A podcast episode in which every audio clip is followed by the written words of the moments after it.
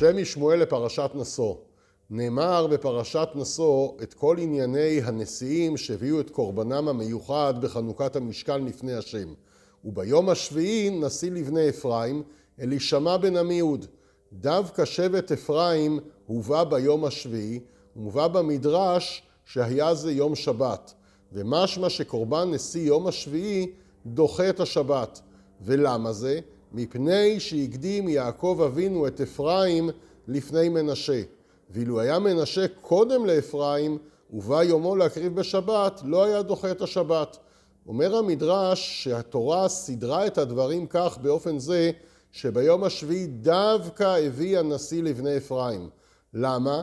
כי היה זה יום שבת, ועבודתו של הנשיא ביום השביעי ביום שבת לא הייתה צריכה לדחות את השבת. השבת קביעה וקיימה, ואילו חנוכת המשכן זה משהו זמני. אלא בגלל שיעקב אבינו הקדים את אפרים לפני מנשה, אז בזכות הדבר הזה, אפילו ביום השביעי, אפילו שחל בשבת, בא הנשיא מבית אפרים והקריב את הקורבן, ועבודת הנשיאים דחתה את השבת. ויש להבין למה.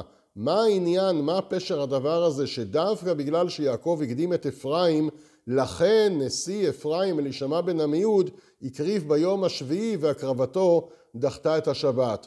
ואילו אם מנשה היה קודם, אז השבת לא הייתה נדחית במשכן. מה עניין הדבר הזה? מביא השם משמואל את הרעיון לפיו ישנם שתי צורות לעבוד את הקדוש ברוך הוא.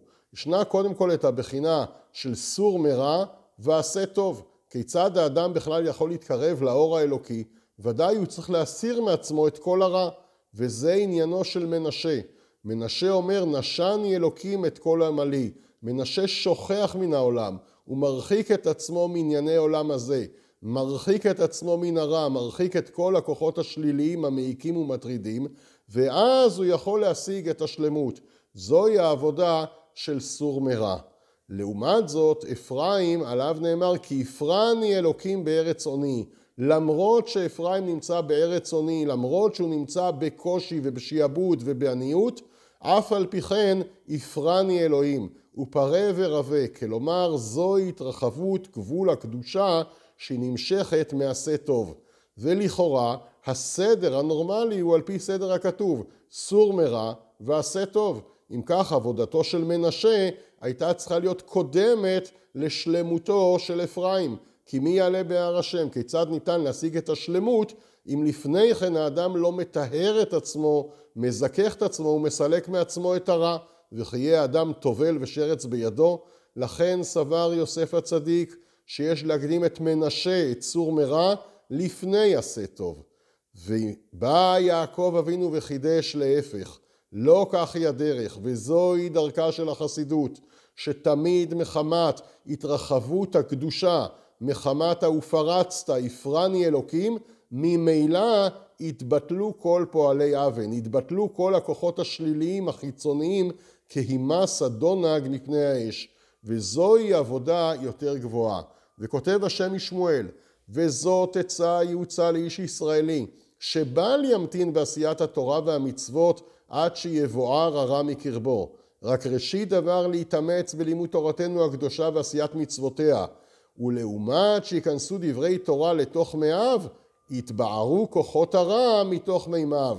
כלומר, למרות שבאידיאל אולי הסדר היה צריך להיות סור מרע ורק אז עשה טוב, בפועל, במציאות חיינו, אם נחכה עד שינסור מרע, אם כך לעולם לא נגיע אל הטוב. כי מי יוכל לומר זכיתי ליבי שאהיה ראוי לקבל קדושת השבת או קדושת התורה. ולכן הדרך בפועל היא להקדים את אפרים לפני מנשה. לכן קודם כל האדם מתמלא בעשיית טוב. כל דבר טוב שאדם יכול לעשות, כל שעת לימוד, כל דקה של תורה, כל עשיית מצווה האדם יעשה ולא יחשוב נו לפני כן אני צריך לטבול במקווה, לפני זה אני צריך לסלק את כל המחשבות הפסולות שבי. אין, זאת לא הדרך ולא שיטת החיים. אלא האדם תמיד צריך לקפוץ ולהתמלא ביותר ויותר תורה, ביותר ויותר קדושה. להקדים את אפרים, להקדים את השאיפות הטובות, והם ממילא יסלקו את כל המחשבות הפסולות והרעות. ולכן מכוח הדבר הזה שהוקדם אפרים למנשה, ממילא אפרים בדרכו שהוא מתמלא בתורה ומצוות, הוא דוחה את השבת. כי מהי השבת? השבת היא באמת שפע גדול, שפע אלוקי עליון מאוד. ומי יכול לקבל שבת? רק מי שראוי לזה. בא אפרים וקופץ ואומר אף על פי כן, כמו שאני, אנחנו קודם כל נקיים את המצוות, נדבק בתורה, ומתוך זה נזכה לשפע הגדול. ולכן דווקא בגלל שיעקב אבינו התחיל בעבודה הזאת להקדים את אפרים, המשיך העבודה יותר גדולה להתחיל בעשה טוב, זה כבר דוחה את כל איסורי שבת, ולכן הקדמת הנשיא של אפרים היא היא מבטאת את הרעיון שעשיית הטוב, הפעולות הטובות שאנחנו עושים, הם דוחים כל דבר, אפילו את קדושת השבת, ודווקא זה מה שיביא עלינו בסוף יותר קדושה, יותר הערה ויותר תורה. לכן הדרך היא לעשות טוב, ומתוך עשיית טוב ממילא יסור הרע, שנזכה לזה, אמן ואמן.